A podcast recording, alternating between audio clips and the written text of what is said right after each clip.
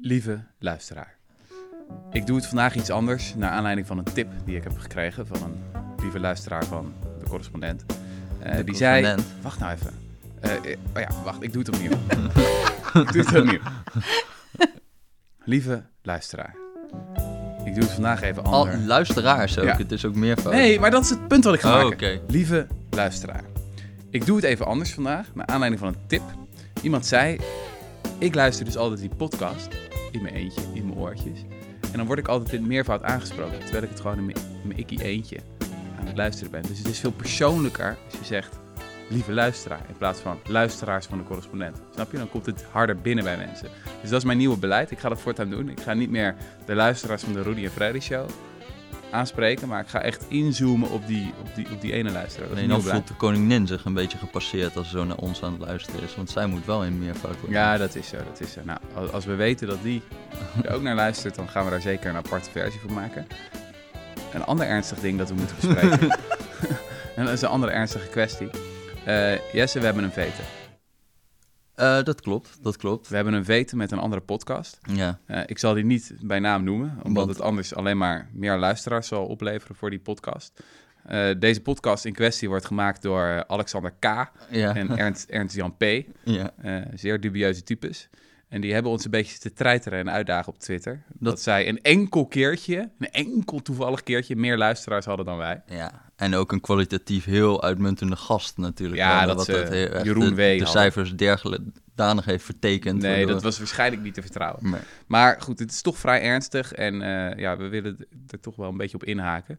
Eh, dus met onze volgende podcast moeten wij natuurlijk eh, over onze grote rivalen heen gaan. Dus eh, mocht je dit luisteren, beste lieve luisteraar, eh, ja, eh, zorg dan voor dat gewoon al je vrienden, je familie allemaal daarop gaan klikken. Je hoeft het helemaal niet af te luisteren, dat is echt niet belangrijk. Weet je, dat voor het algoritme, dat telt al mee als je het gewoon überhaupt eventjes hebt geklikt. Eh, ik weet niet of je meer, meer, verschillende iPads, iPhones, dat je dat ook daar allemaal mee kan doen. Ja, gewoon meerdere Ja. IP's. We moeten helemaal omhoog in komen in het al- in- algoritme, ja. En, en weet je, doe het niet voor ons, maar doe het wel om Alexander K. en Ernst-Jan P. te.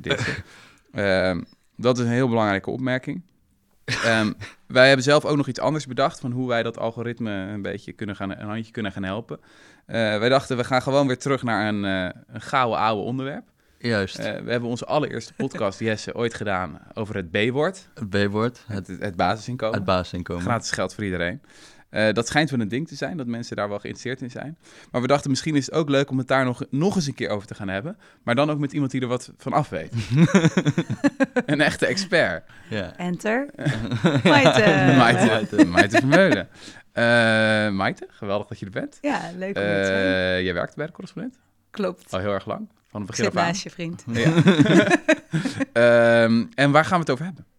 We gaan het hebben over cash. Cash. Jij noemt Cash. het cash. Ja, ik noem het altijd geld. Geld. Maar is- was dat ook een soort van bewuste keuze om je soort van af te zetten tegen mij? Van, Absoluut. ik noem het niet gratis Ik wilde geld. er niet mee maar ik noem geassocieerd het worden. cash. Gratis cash. Maar vertel, vertel eens even, want je hebt een, een lang stuk geschreven op de correspondent. Een paar weken geleden al, geloof Ja, ik. klopt. Eh, over die hele revolutie in ontwikkelingsland. Van we gaan geen koeien meer geven, we gaan geen eh, cursussen meer geven, maar we geven gewoon armen wat ze nodig hebben, namelijk geld. En dan moet ik, moet ik even er goed bij zeggen, ik heb natuurlijk veel geschreven over het basisinkomen. Jij hebt echt heel erg ingezoomd over nou ja, wat geld kan doen in ontwikkelingshulp. In Ja, veel armere landen. Net iets anders dan een basisinkomen hier in Nederland Precies, of dus zo. we gaan het B-woord gaan we gewoon niet meer gebruiken. Ja, we hebben het vanaf nu niet meer over. We gaan het over het echte serieuze onderwerp cash transfers hebben in ontwikkelingslanden. En ik ben heel benieuwd van hoe jij, hoe jij daarop kwam. Ja, ik, ik volg het al heel lang. Het is inderdaad wat je zegt al een beetje een soort, een beetje een, misschien een beetje een geeky onderwerp in de ontwikkelingswereld. En zeker onder ontwikkelingseconomen. Eh, die doen er al, nou, denk, eh, nou, laten we zeggen een jaar of tien onderzoek naar. Eh, en wat het eigenlijk is, is dat je dus in plaats van, nou ja, wat je zegt, in plaats van goederen, dus in plaats van muggennetten of koeien of zelfs cursussen, trainingen, eh, aan arme mensen geven, geef je ze datzelfde bedrag, wat dat gekost had, maar dan gewoon in geld. En zeg je, je mag zelf weten wat je ermee doet. Is ook wel iets anders dan een basisinkomen, omdat het vaak om een eenmalige gift gaat. Mhm. Eh, dus bijvoorbeeld, je krijgt hier 1000 euro in drie keer of zo. Ehm, en dat is het. Ehm, en eigenlijk afgelopen jaren kwam er steeds meer onderzoek dat liet zien dat dat supergoed werkt.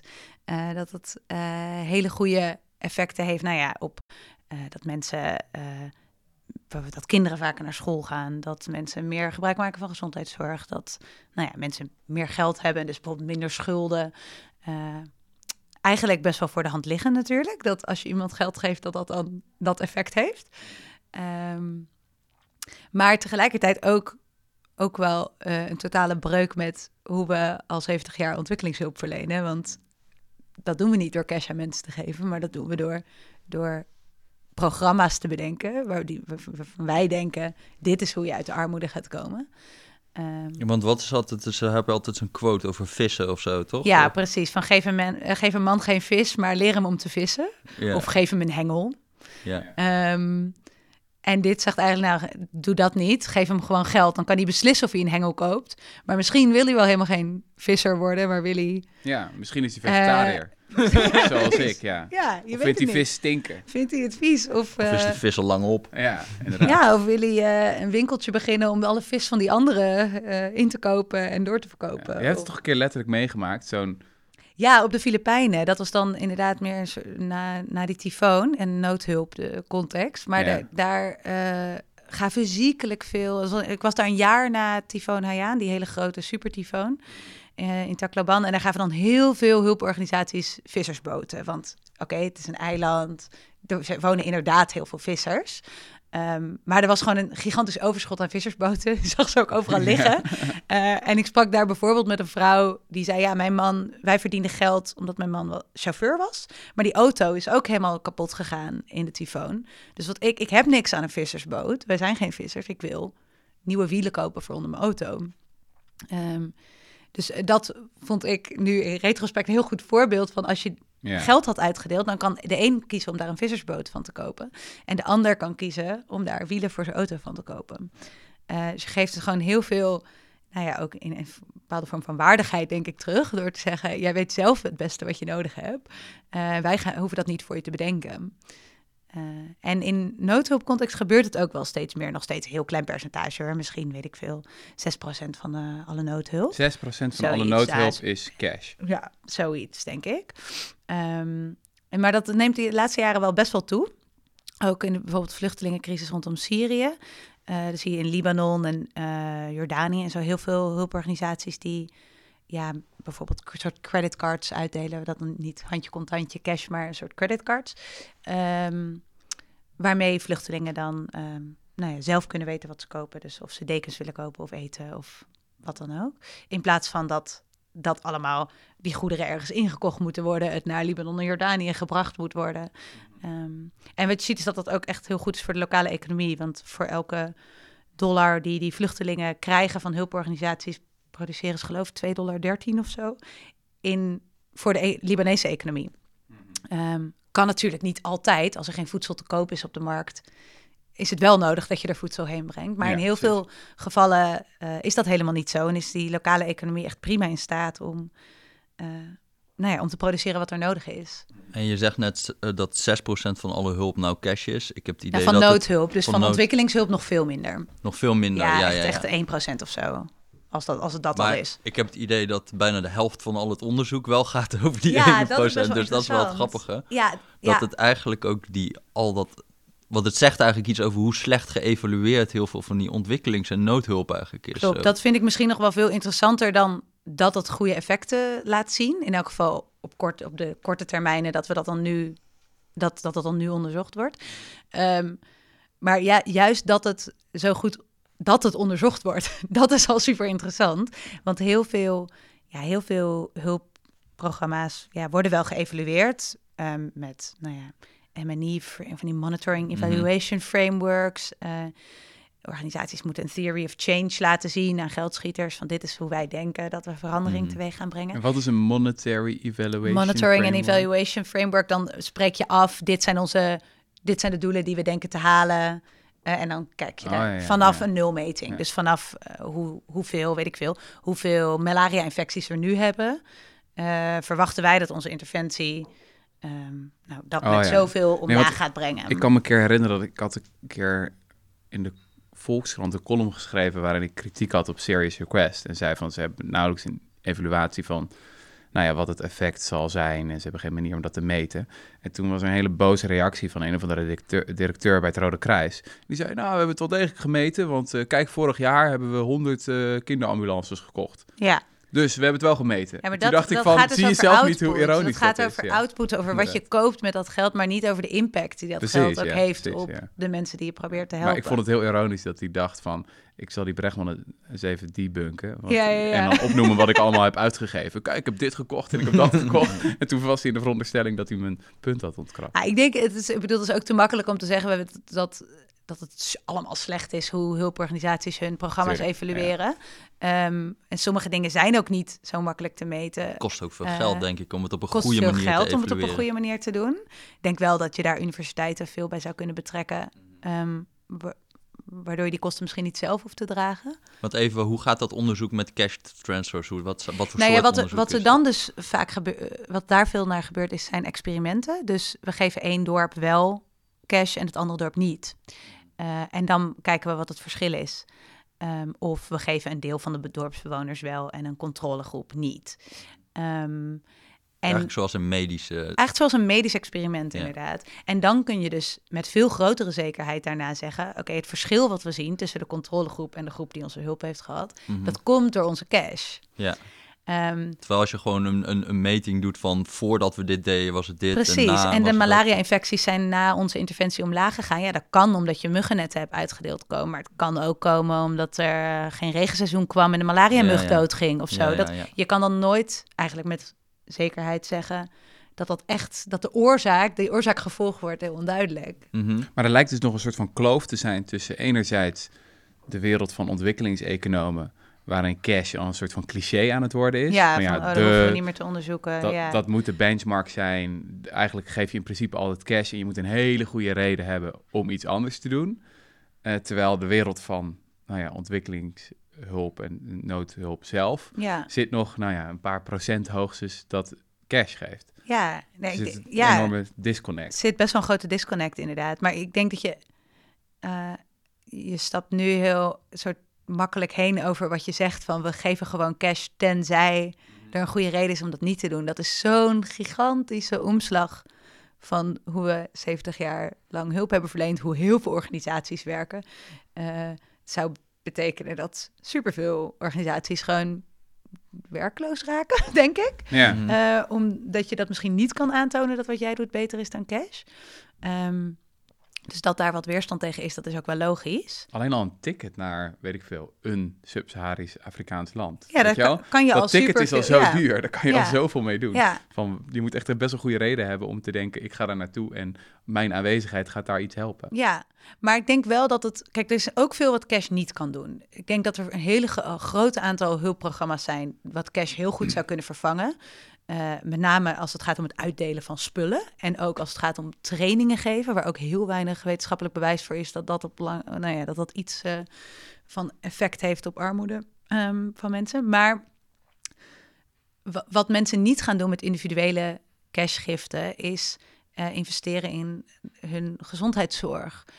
Of bijvoorbeeld hun kinderen laten vaccineren. Dat is iets wat eigenlijk meer vanuit de overheid eh, aangestuurd moet worden. Want op, op individuele basis heeft dat niet zoveel winst, maar dat moet je als groep doen.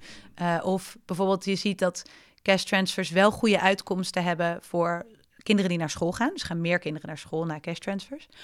Maar dat ze bijvoorbeeld niet per se meer leren. Dat de learning outcomes, heet dat dan, Mhm. dat die niet per se heel, veel, heel goed zijn. Want die scholen zijn misschien wel super slecht. Of er is helemaal geen leraar. Dan gaan ze, zijn ze wel, gaan ze wel naar school, maar die leraar komt niet opdagen, want die heeft al eh, jaren geen salaris gehad. Of- Dus dat verbeteren van die eh, nou ja, meer instituties en public goods, noemen economen dat dan, van, zoals gezondheidszorg of onderwijs. Ehm, dat kan cash niet doen. Mhm. En dus ik denk dat hulpinterventies die meer gericht zijn op, op dat soort dingen, ehm, meer de, de politieke kant van hulp, dat dat altijd zou moeten blijven bestaan naast cash. Maar dan kun je dus denk ik als hulporganisatie een hele goede case maken waarom jouw programma eh, Precies. ook Ja. moet bestaan. maken, ja. Precies, het verschil kan maken. Want Eh, Misschien moeten we ook dan even een onderscheid maken in verschillende vormen van cash transfers. Want in dat onderzoek heb je altijd unconditional. Ja, Dus gewoon echt puur gewoon geld geven. Zonder voorwaarden, ja. zonder no voorwaarden. Maar ja. de meeste van het onderzoek gaat over volgens mij conditional cash transfers, toch wel vaak. Ehm, en die, dan- die zijn is- vooral in Zuid-Amerika veel. Ja, precies. Ja. En Dus dan- dan gaat het om heb je die bijna, bijna niet. Dan is het gewoon unconditional. Wat ik, Ja. wat, wat ik me altijd... Nou, oké, ik maak even het punt af. Maar die... ehm, eh, eh, bij die conditional cash transfers gaat het vaak met een verplichting van... je moet je kind naar school sturen, bijvoorbeeld. Of laten vaccineren bijvoorbeeld. Of laten Ja. vaccineren. Dus in Brazilië is gewoon volgens mij hun grootste eh, sociale zekerheidsprogramma... of een van hun allergrootste. Dat is Bolsa dat Familia. Bolsa Familia. Familie, ja. Eh, en dan moet het kind naar school worden gestuurd en dan krijgen de ouders ook geld. Ja. En ehm, eh, nou ja, dat, dat, dat, dat, dat is dus ook een soort van hier. Het simpelste is natuurlijk unconditional, maar je kan altijd een kleine voorwaarde aan Ja. verbinden en het dan uitkeren. En Maar ik geloof je- dat dat in heel veel gevallen ook wel echt beter is. Ja, maar Als dan je moet wil je dat dus wel kinderen naar de, school gaan. de, bijvoorbeeld de scholen hebben om dat dan te faciliteren. Want dat is het probleem in Sub-Sahara-Afrika. En dat is ook een van de redenen waarom daar de meeste programma's unconditional zijn. Mhm. Eh, als ze als voorwaarde zouden stellen dat alle kinderen naar school moeten, dat, kunnen die, dat kan helemaal niet. Dat kan het schoolsysteem helemaal niet aan. Of als ze zouden als voorwaarde zouden stellen dat je als zwangere vrouw eh, checks moet laten doen in een ziekenhuis, dat zouden de ziekenhuizen niet aankunnen. Ja, ja, ja, ja. ja. Dus, dus er is dan nog blij, ook als je zo'n voorwaarde stelt, moet je wel als overheid ook nog de, ja, dat waar kunnen maken dat mensen dat dan ook kunnen gaan doen. Mhm. En dat is in Zuid-Amerika alweer wat en dat meer is in. Zuid-Amerika wat meer ontwikkeld, precies. Ja.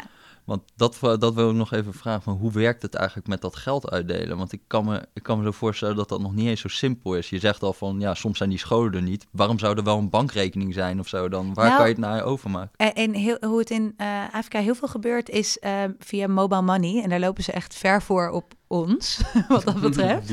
Eh, dus dan krijg je een sms'je op je telefoon. En echt, nou ja, goed, iedereen heeft gewoon een simpel mobieltje. En daarmee ga je dan naar een lokale money agent. En die geeft jou op basis van dat eh, SMS. sms'je cash. Oh, dan heb je een Ehm, leuke dag als je in één ja. keer... eh, En, eh, maar en wat je bijvoorbeeld in Kenia is dat M-Pesa echt al heel groot. Waar, daar kun je zelfs gewoon met, het, met de credits die je op je telefoon krijgt, kun je ook betalen in winkeltjes. Dus Hm. je, ho- er hoeft geen fysiek geld aan te pas te komen. Hm. Ehm, je krijgt gewoon een sms. Ja, ze laden gewoon je Maar mobiele dat is echt credit op. fascinerend inderdaad, Ja. dat mensen allemaal wel die mobiele telefoon hebben. Ja, gewoon een klein me- mobieltje. Ja, dat heeft bijna iedereen. Of in elk geval is er eentje voor de familie of zo. zeg Ja, maar. nee, ik, ik, ik las zelfs dat er meer mensen zijn die een mobiele telefoon hebben wereldwijd dan een toilet. Oh ja? Dat het zo goedkoop is wel, geworden. ja. ja. Dat is echt ongelooflijk. Hey, ehm, jij was aan het stuk aan het schrijven Mhm. En eh, was al aardig overtuigd aan het raken van, eh, nou, dat gratis geld, eh, cash, sorry, is toch een best wel, is toch een best wel goed idee. Ehm, en toen brak er een Twitteroorlog uit. ja. Of althans, in die In economosfeer de van totale niche-sfeer van Ja, ontwikkelingseconomen. Van de supernerds die al behoorlijk overtuigd waren van cash. Ze noemden zichzelf al cashionistas. En sommige, Mr. Cash. ja, de, de hoofdonderzoeker Chris Bladman, dus een van de bekendste figuren in het veld, werd Mr. Cash genoemd. En ineens leken er geluiden uit die, uit die hoek op te komen van eh, misschien gaat het toch niet zo goed werken. Ja, Vertel daar eens over. nou die, die Bladman die had dat in een interview gezegd, in de podcast. Hoe Ja, die met die met- Tyler, ja, met Tyler Cowen, Tyler ja. Cowen. Ehm, die had laten doorschemeren. Hij heeft een onderzoek lopen naar zo'n cashprogramma in eh, Oeganda. eh, waar die al de resultaten van twee en vier jaar al had gepubliceerd. En die waren allemaal geweldig. Halleluja, het cash doet echt zo goed. Ehm, en nu zou die dan, komt hij deze zomer met eh, de tien jaar na de cash transfer evaluatie. Eh, en lijken de resultaten best wel tegen te vallen. Dat liet hij een beetje doorschemeren in die podcast. Ik had hem er nog eh, over gecontact ook. maar hij zei, sorry, je moet echt wachten op de, op de publicatie.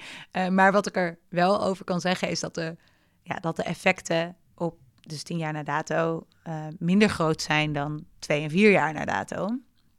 Ehm, en dat kan door twee dingen komen. Kan komen omdat ehm, de mensen die geen cash hebben gekregen ook geprofiteerd hebben van de cash. Dus de, als de, de mensen die cash hebben gekregen zijn bijgehaald door de mensen Ja. die geen cash hebben gekregen. Eh, na tien jaar. Dat kan omdat die mensen die cash hebben gekregen bijvoorbeeld hebben geïnvesteerd in, nou ja, weet ik veel, winkeltjes of in, inmiddels een bedrijfje hebben wat ook iemand in dienst kan nemen. En daardoor zijn de mensen die geen cash hebben gekregen, hebben ook geprofiteerd. En Dat is er dus vrolijke interpretatie. dat is een goede interpretatie. En de slechte interpretatie is het, eh, ja, de vooruitgang was er toch wel gekomen, ongeacht de cash. Want de mensen die geen cash hebben gekregen, zijn tien jaar op het, la- na dato op hetzelfde punt. Dus die cash heeft helemaal geen lange termijn effecten. Het is tijdelijk fijn, maar Het is tijdelijk fijn, maar Waarschijnlijk is het een beetje van beide. waarschijnlijk is het een beetje van beide. Heel genuanceerd, ja. Eh, nou, en je zou natuurlijk ook kunnen zeggen, oké, als we mensen eerder al op dat niveau kunnen brengen dan over tien jaar, dan Mhm, is daar ook, ja. al, ook al iets voor te zeggen. Ehm, maar ik ben wel heel benieuwd om te zien wat die studie nou precies... Ja, want er zijn er nu wel ook wel meer dat ze dan na vijf of zes jaar. ja, of nog, dat de deze is dan effecten minder jaar. worden. Ja, Maar dat, het is sowieso, dat is ook wel logisch natuurlijk. Maar, ehm, maar ook bijvoorbeeld iets wat jij, waar je net al over had, van dat, dat, dat bijvoorbeeld als er geen voedsel is, dan Ja. kan je het ook niet kopen. Ja. Maar wat, wat, wat ook in van die studies een beetje komt, is dat ehm, dat een negatieve effect heeft op mensen die niet cash krijgen, omdat de voedselprijzen omhoog gaan. Ja. Dus mensen krijgen in één keer meer geld, kunnen meer voedsel kopen, maar daardoor worden de prijzen van voedsel verhoogd. Maar dat moeten zeg maar die mensen die geen super cash krijgen voor de anderen. ook betalen. Dus die hebben daar, ondervinden daar hinder van. Ja, Maar dat suggereert eigenlijk dat die markten gewoon niet zo goed werken, want het aanbod past zich niet aan. Dus er komt geen niet meer voedsel, ja, ja. zeg maar. ja. Dus de prijzen die stijgen. Ah ja, Maar dat, maar dat gaat dus heel erg inderdaad over instituties en over Ja. dat, dat, dat dat nog niet zo goed is ontwikkeld en dat daardoor gewoon eh, eh, het aanbod er niet is. ja. En dan kan je wel geld geven, maar ja, dat is niet het probleem. Of dat is een deel van het een probleem. deel van het probleem. het, eh, ja, nee, het, is zeker niet het, het lost zeker niet het hele probleem op. Dat denk ik ook echt niet. Dat is inderdaad Mhm. wel, werd misschien een paar jaar geleden door best veel onderzoekers wel geroepen. Alsof dit een soort de heilige graal van de ontwikkeling was. Van, het, zie je wel, het enige wat we hoeven te doen is geld geven. Dat is inderdaad denk ik niet Want dat zo. was in die Bladman-studie, als die, eer- die had eerst na drie jaar of zo gekeken. En die resultaten waren echt belachelijk goed. Ja. goed van eh, Ja, enorme percentages eh, verbetering op alle, van alles. Gewoon moedersterfte, geloof ik, en ondernemerschap en weet ik het allemaal. ja. Dus als dat dan nu in één keer zo anders is, dan... Nou, wat je, wat je denk ik wel ziet, wat nu veel, eh, bijvoorbeeld die Give Directly, dat is zeg maar echt een grote, eh, nou eigenlijk de enige echt grote hulporganisatie die cash transfers doet. Eh, exclusief, hè? Zijn heel veel organisaties die ook een beetje cash transfers doen, maar zij doen alleen maar cash. Ehm, die zijn, die een aantal jaar geleden was, selecteerden zij arme gezinnen door te kijken wie er een stroodak had. Dus als je stroodak had, was je arm genoeg en dan kreeg je een cash transfer. Maar als je al een ehm, golfplatendak had, dan had je kennelijk al genoeg geld gehad om te investeren in je huis. Dan kreeg je geen geld. Ehm, maar wat zij nu eigenlijk vrijwel uitsluitend, ik had de CFO gesproken. Die zei, eigenlijk zijn we daar nu helemaal, bijna helemaal van afgestapt en geven we gewoon eigenlijk het hele dorp cash. Ehm, want eh, we selecteren nu veel meer gewoon gebieden waar de armoede zo hoog is. Ehm, dat dat hele uitsluiten van mensen ook eigenlijk meer geld kost. zeg Mhm. maar, dus het, dan, eh, dan, het, dan het oplevert. Ehm, en misschien als er één individu in het dorp is die duidelijk echt veel rijker is, omdat hij echt een, weet ik veel, een gigantisch huis heeft. Nou, dan doen we die niet. Mhm. Ehm, maar geven we eigenlijk gewoon iedereen. Eh, en dan voorkom je natuurlijk ook dat je dus krijgt dat bepaalde dat de niet-ontvangers achtergesteld worden. Mhm. Ehm, en dat lijkt mij voor heel veel gebieden eh, veel, veel logischer. Mhm. Is, is een Give Directly als organisatie niet ook gewoon echt een voorbeeld voor de hele sector? Niet zozeer omdat ze geld geven en omdat het nou zo goed werkt, maar gewoon puur omdat ze dit soort discussies aangaan. Ja, ik vind dat ze dat onderzoek doen. dat zij inderdaad echt voor de ontwikkelingssector is niet bepaald een sector die heel transparant durft te zijn vaak over ook over wat er misgaat. En door dat door zoveel onderzoek te doen, stel je natuurlijk heel kwetsbaar op, want er kan ook dus uit zo'n onderzoek tien jaar inderdaad ook komen. Oh, oeps, de resultaten zijn toch niet echt wat we hoopten. Ehm, dus je stelt je heel kwetsbaar op en dat gebeurt heel weinig in de ontwikkelingssector, want je moet het beeld schetsen dat alles supergoed gaat met, want anders doneren mensen niet meer. Ehm, En het gaat ook om, denk ik, de intuïtie van mensen zelf. Van, die denken niet zo snel aan cash als ze die denken eerder van... goh, wat lief dat jullie een geit geven. Precies, het is Of allemaal dus, heel eh, erg op de feel-good. ja. ehm, Heel veel is inderdaad op de feel-good gebaseerd. en Dus- dat is ook wel heel erg in de reclame-uitingen, terwijl ze dan misschien in de praktijk wel veel slimmere programma's Ja, doen dan ja, gewoon een geit geven. Maar, ehm, maar en Give Directly doet dat helemaal niet. Eh, die zegt gewoon, nou, wij eh, runnen nu deze studie en dit zijn de uitkomsten. En ja, ik vind dat echt zeker een voorbeeld voor, voor de sector. Ehm, Ja, en tra- inderdaad transparant als er iets misgaat. Dus ik kan me herinneren dat ze een keer een mail stuurde. Eh, ik, ik, ik ontvang die nieuwsbrief en er stond dan in van... Ja, shit, we hebben een of andere corrupte gast gehad. En die heeft daar en daar zoveel geld in zijn zak gestoken. ja, Eh, sorry. Apologies. Eh, we, hebben, we gaan aan doen, alles aan doen om te zorgen dat die nog een keer gebeurt. Maar ja, het is wel gebeurd en we vonden dat je het moest weten. Of bijvoorbeeld rondom deze eh, controverse over werken die cash transfers nou op de lange termijn. Toen hadden ze eerst een blog geschreven over een studie eh, waarin ze het nogal downplayden. Zeiden van het valt wel mee. ja, daar kregen namen ze echt veel- de goede, de goede interpretatie die ik net zei van, oh, anderen hebben geprofiteerd. En toen kregen ze kritiek van een aantal economen op Twitter. En toen hebben ze later een blog geschreven van... Sorry, ja, je hebt, jullie hebben gelijk. We hebben te rooskleurig deze interpretatie, Ja. eh, resultaten geïnterpreteerd. We denken nog steeds wel dat dit en dat positief is. Maar dat is waar, dit en dat is negatief. En verder moeten we gewoon meer onderzoek doen. Ja. Eh, maar jullie hebben gelijk en wij zaten ernaast. Nou, toen, dat, toen ik dat las, dacht ik van... Wow, ik kan me niet herinneren dat ik ooit een keer zo'n blog heb gelezen van een Ja, ontwikkelingsorganisatie. ik vind dat echt super goede houding. En je, ja, je moet, volgens mij, je kan echt niet genoeg benadrukken hoe kwetsbaar je je opstelt en hoe weinig hulporganisaties dat doen. Ik bedoel, la- laat maar eens. Wat ik heel graag zou willen zien, is meer studies naar cash versus een ander hulpprogramma. Want nu Ja. gebeurt heel veel cash versus niets. Ehm, maar die CFO zei dat ook van, nou ja, vind maar, dit proberen we heel veel, eh, maar vind maar Niemand een hulporganisatie die op die manier zijn eigen programma tegen het licht wil la- laten houden. Eh, want ja, je, je bent zo, eh, nou ja, kwetsbaar en wat als eruit komt dat inderdaad jouw programma echt veel minder goede effecten heeft dan cash. Mhm. Wat ga je dan doen? Ja, ja, ja. Eén ding wat me wel heel erg opvalt in al, deze, al die literatuur, van al, dat heel veel ontwikkelingseconomen zijn hier nu mee bezig, hè, met van die, van die gecontroleerde experimenten en dan ook heel veel met cash. Maar ik vind dat op een of andere manier toch ook een beetje zonde, omdat het dan vooral heel veel gaat nu over hulp en niet over ontwikkeling meer zo erg als voorheen, zeg maar. Dus ze gaan heel veel onderzoek doen naar dingen die te onderzoeken zijn, makkelijker.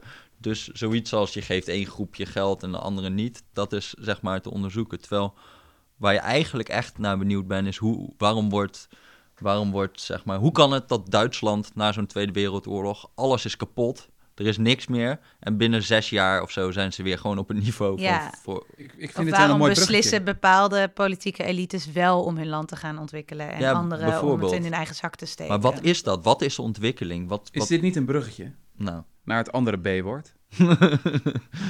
nou, jij hebt ooit een keer echt een fantastisch stuk geschreven over Bureaucratie? bureaucratie. Ja. ja, ja, ja, ja, ja. Oh, Van eh, bureaucratie klinkt vaak als een, weet ik veel, saai, vervelend woord als wij daaraan denken. Maar van, ja, veel landen hebben gewoon niet die... Ja. Dus dan kan je beter aan, eh, hoe noem je dat? Tax Inspectors Without Borders. ja, ja, ja. dus je kan beter aan We een staan bureaucratisch fonds... Ja, bestaan die echt? Ik Ja, dacht, we staan staan echt. Met, het is een club bij de OESO, toch? oh, Ja, ik dacht ja. dat het bij een grapje was. Ja, OECD? Nee, het is echt zo.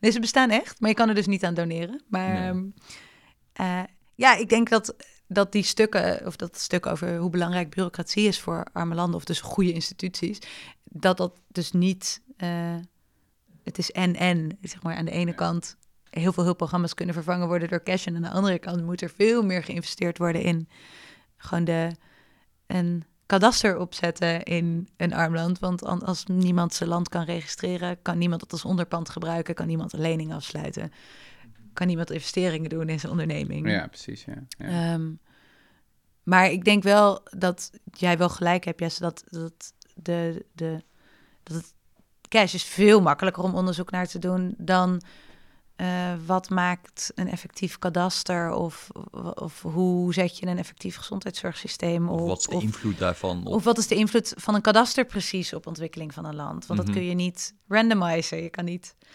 eh, en daardoor focus je heel erg op kleine, landen. e- kleine Ja. effecten eigenlijk. Ja. Van, terwijl je het hele grote vraag is natuurlijk wat is ontwikkeling en waardoor komt het? Ja. Eh, Ja, ik denk dat, in- dat op zekere hoogte ben ik daar wel mee eens. Maar aan de andere kant, wat jij nu iets heel kleins noemt, dat is wel gewoon een, ook een mensenleven. ja, dus, ja. dus die impact, eh, ook voor die mensen die nu leven, ook al weten we nog niet hoe we voor de volgende generatie echt ontwikkeling moeten bereiken, eh, is ook belangrijk, denk ik. Maar ehm, de, het is wel waar dat, de, dat het wel veel makkelijker is om onderzoek naar te doen, dat het daardoor ook wel veel meer gebeurt. Mhm. Ehm, en ik denk dat je altijd. eh, je hebt ook die hele effectieve altruïstenbeweging. Die zitten ook. Dat zijn, eh, nou ja, mensen, onderzoekers, maar ook donateurs. Die zeggen van we willen eh, onze euro zo doneren dat het, het meest, de meeste impact heeft. Ehm, dus die zitten heel erg op wat is, wat is onderzocht. Ehm, wat kunnen we aantonen? En Give Directly is dan ook een, een van hun top charities waar je aan kan, kan doneren. Ehm, maar ik heb wel eens best wel lange discussie met iemand van die beweging gehad. Omdat er is ook zoveel wat je niet op die manier zou, zou kunnen onderzoeken. Wat je nooit op die manier kan onderzoeken. Eh, weet ik veel, eh, traumaverwerking bij kinderen in Noord-Oeganda. Wat voor effect dat op ontwikkeling heeft. Dat kan je niet randomizen. Je kan er niet een experiment op loslaten. Ja, of Amnesty International. Of Amnesty inderdaad, of Human Rights Watch of zo. Hoe, hoe kun je precies onderzoeken wat voor effect hun werk heeft? Maar dat wil niet zeggen dat dat werk per definitie onbelangrijk of ja. eh, een verspilling van je geld is. Hey, en we hebben het nu veel over Give Directly gehad, Amerikaanse organisatie. Geen ambi-status, dus als je dat geld aan gaat geven, kan je het niet aftrekken van de belasting. Nou is er ook eentje in Nederland. Ja, die is best wel nieuw. 100 Weeks heet die. Eh, is net iets anders. eh, want wat, ze geven dus niet in één keer een hele smak geld aan iemand, maar ze geven ehm, elke week 8 euro uit mijn hoofd. eh, voor 100 weken. Dus meer eigenlijk een soort mini-basisinkometje. Ehm, en ze geven alleen aan vrouwen. Dat is ook een verschil. Die Directly geeft aan mannen en aan vrouwen. Ehm, Omdat en vrouwen beter zijn. omdat uit veel onderzoek rondom microkrediet blijkt dat vrouwen beter terugbetalen en een soort verantwoorden met het. Een soort een beetje een aanname dat vrouwen Ze zuipen het niet op. ja, verantwoordelijker met het geld omgaan. Give Directly zegt overigens, daar is echt geen wetenschappelijk bewijs voor. En ik heb ook een aantal van die studies gekeken. Er zijn heel veel studies. Zelfs dus één studie kwam ik tegen die zelfs liet zien dat de effecten voor de kinderen beter waren als je het aan de vader gaf. Weet je? Dus Hmm. ehm, er is volgens mij niet heel veel bewijs voor.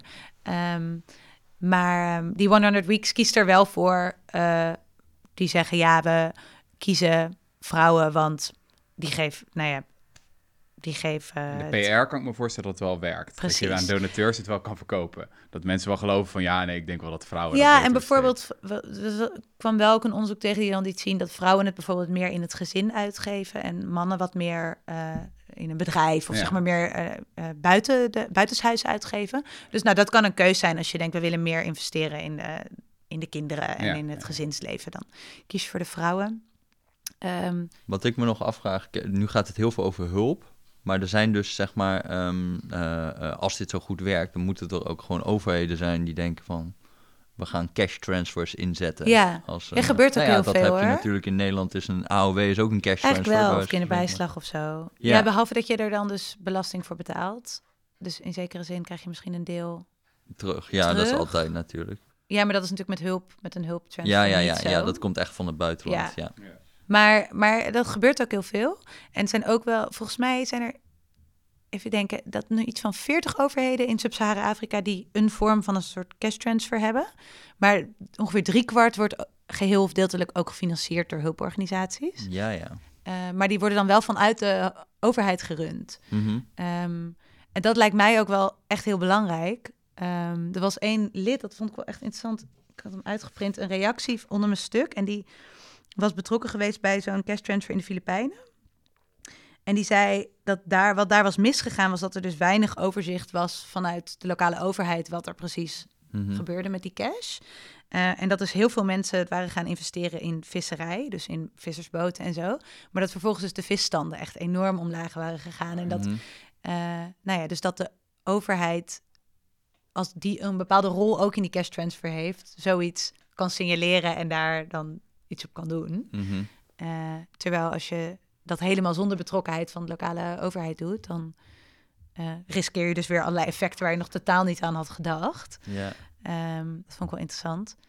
Ehm, maar dus, dus gebeurt ook wel steeds meer vanuit overheden. Ja, in, in feite is het natuurlijk een soort mini-aanzetje tot een sociale zekerheid. Ja, ja. Ehm, Ja, en ik vind het ook wel Ja. grappig om te zien hoe ontwikkelingslanden dat doen. Dus je had, je hebt, we hadden het net al over dat Brazilië heeft dan dat Bolsa Familia. Dat is eigenlijk heel erg cash transfers Ja. en om armoede te bestrijden.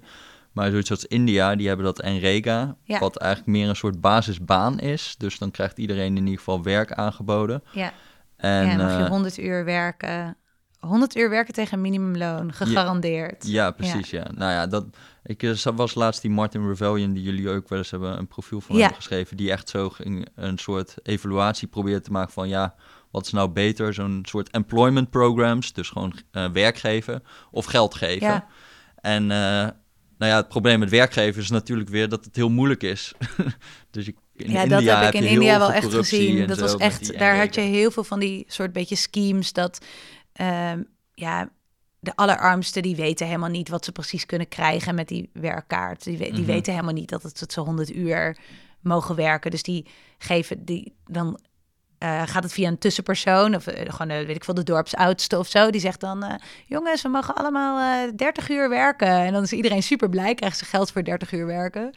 Eh, en dan noteert hij, ja, iedereen heeft 100 uur gewerkt en steekt de rest Ja, in zijn ja, eigen ja. zak. Ah, dat is ook een beetje, denk ik, verhaal van gegeven wat die ontwikkelingslanden hebben om mee te werken qua capaciteit en zo, is misschien cash transfers wel het beste. Dat is precies het punt van Het is super simpel. Ja, het Ik vond heel het interessant. Ja. Zijn punt is... Maar het wil niet zeggen dat het echt het beste is. Als je meer zou kunnen, Nee, dan Ja. zou gezien je de het niet- omstandigheden. Ja, gezien de omstandigheden. Ja. Dat vond ik Ja. interessant dat die Rebellion dat punt maakte in het, in het basisinkomen debat. Dat hij zei van, nou, ik ben nog sceptisch over het nut van het basisinkomen voor rijkere landen. M- misschien, maar ik wil er meer zien.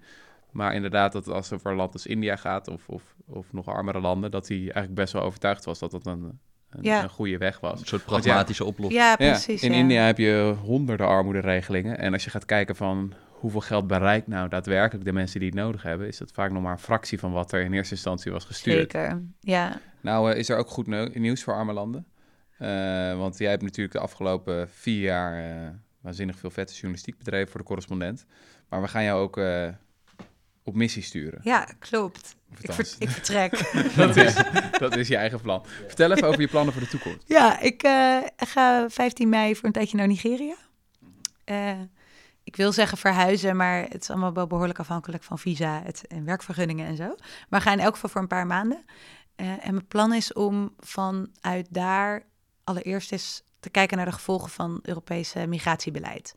Eh, met, de EU, met het nieuwe EU-migratiebeleid zijn we heel erg bezig om de, de zuidgrens van Europa zoveel mogelijk, zo diep mogelijk Afrika in te duwen. Allerlei samenwerkingen met landen als Libië en Niger. En dat wordt ook nu onderhandeld, onder andere met Nigeria. Eh, maar daar zijn superveel gevolgen van, die we totaal niet zien, omdat er in die regio gewoon heel weinig journalisten zitten. Ehm, dus dat wil ik gaan doen. En waarom Nigeria dan? Ja, ik, ik vind het zo'n zo'n fascinerend land. Het is, het is de grootste economie van Afrika. meeste mensen, 200 miljoen mensen, hè, meer dan 200 miljoen mensen. Ik geloof over, nou wat is het, over 80 jaar of zo gaan ze China voorbij qua inwonertal. Ehm, je hebt het terrorisme in het noorden, je hebt natuurlijk gigantische corruptie, eh, maar ook hele bruisende cultuur, de enige grote filmindustrie van Afrika. Dus op zoveel vlakken is het nou, het is ook het grootste Afrikaanse land trouwens qua migranten die naar Europa komen. Ze hebben zoveel mensen, maar oké. Ehm, eh, echt verreweg de meeste Afrikanen komen daar vandaan naar Europa. Ehm, dus op zoveel thema's is het volgens mij een interessant land om, eh, nou ja, om die thematiek, om die problematiek beter te begrijpen. Eh, en het lijkt me gewoon heel leuk om ergens wat langer te zitten in plaats van ergens kortere tijd heen te gaan en heel veel onderzoek van achter mijn bureau te doen. En natuurlijk, je kan natuurlijk met Skype met veel mensen spreken, maar het is toch anders, denk ik, als je ergens langer zit en eh, nou ja, nog gewoon nog veel beter kan begrijpen. Dus zou er echt willen wonen uiteindelijk. Ah, ik weet het niet. We gaan het wel merken. Als ik het niet leuk vind, als ik jullie te erg mis, kom ik weer terug. of als ik geen visum meer heb. Ja, lijp hoor. ik, ik moet er echt niet aan denken. Jij, Jesse? Nee, ben je gek zeg. Ja. Jij houdt niet eens van vakantie. Nee, ja, niet. dat is, eh, ik heb een hekel aan vakantie inderdaad. Natuurlijk, nee, ik heb daar wel bewondering voor. Weet je dat... eh Jesse, ik kijk jou even diep in de ogen. Ja. Wij eh, danken onze gast. Ja, dankjewel gast. Hey. Bedankt gasten. Wij, eh, wij groeten onze luisteraar in enkelvoud, om het intiem te houden. En de koningin. Eh, ja, en de koningin in meervoud. Ja. Eh, wij eh, vragen onze fantastische lieve luisteraar, eh, denk nog even aan onze veten. ja. Eh, dat, eh, dat is echt bloedserieus. Eh, dus dat, dat moet echt opgekrikt worden in het algoritme. Dat kan je overigens ook doen door een recensie achter te laten. Eh, bij de Rudy en Freddy Show. Dat trouwens een productie is van de correspondent. Leuk. Oké, heel smooth. is smooth. een leuk weetje. Ja. Eh, maar laat een recensie achter. Deel het met je vrienden, met je familie. Bel even aan bij de buren. Zeg van, nou, wat ik nou toch heb gehoord. Echt leuk. Maite Vermeulen in de Rudy en Freddy Show. Eh, en dan zijn wij je heel dankbaar. en mocht je nou nog denken van... Ik vond dit wel heel fascinerend. Ik wil je nog wel wat doorlezen. We gaan in de show notes gaan we wat links zetten. Wat zijn de show notes? Ja, show notes is zeg maar het stukje in je podcast-app waar dan aantekeningen staan en zo. En wij zetten daar meestal niks in omdat we te lui zijn. Maar we gaan dat nu anders doen. We gaan ons leven beteren en we gaan daar allemaal brute artikelen en blogs eh in zetten die jij gaat selecteren. Waarvan je denkt dat moet echt eh, gelezen worden. Mijn eigen stukken bijvoorbeeld. Bijvoorbeeld. of zo'n blog van Gift Direct Ja, dat is zo leuk. waar we het over Ja. hadden. Dus daar kan je dan eh, op Ja. klikken en dan kan je dat lezen.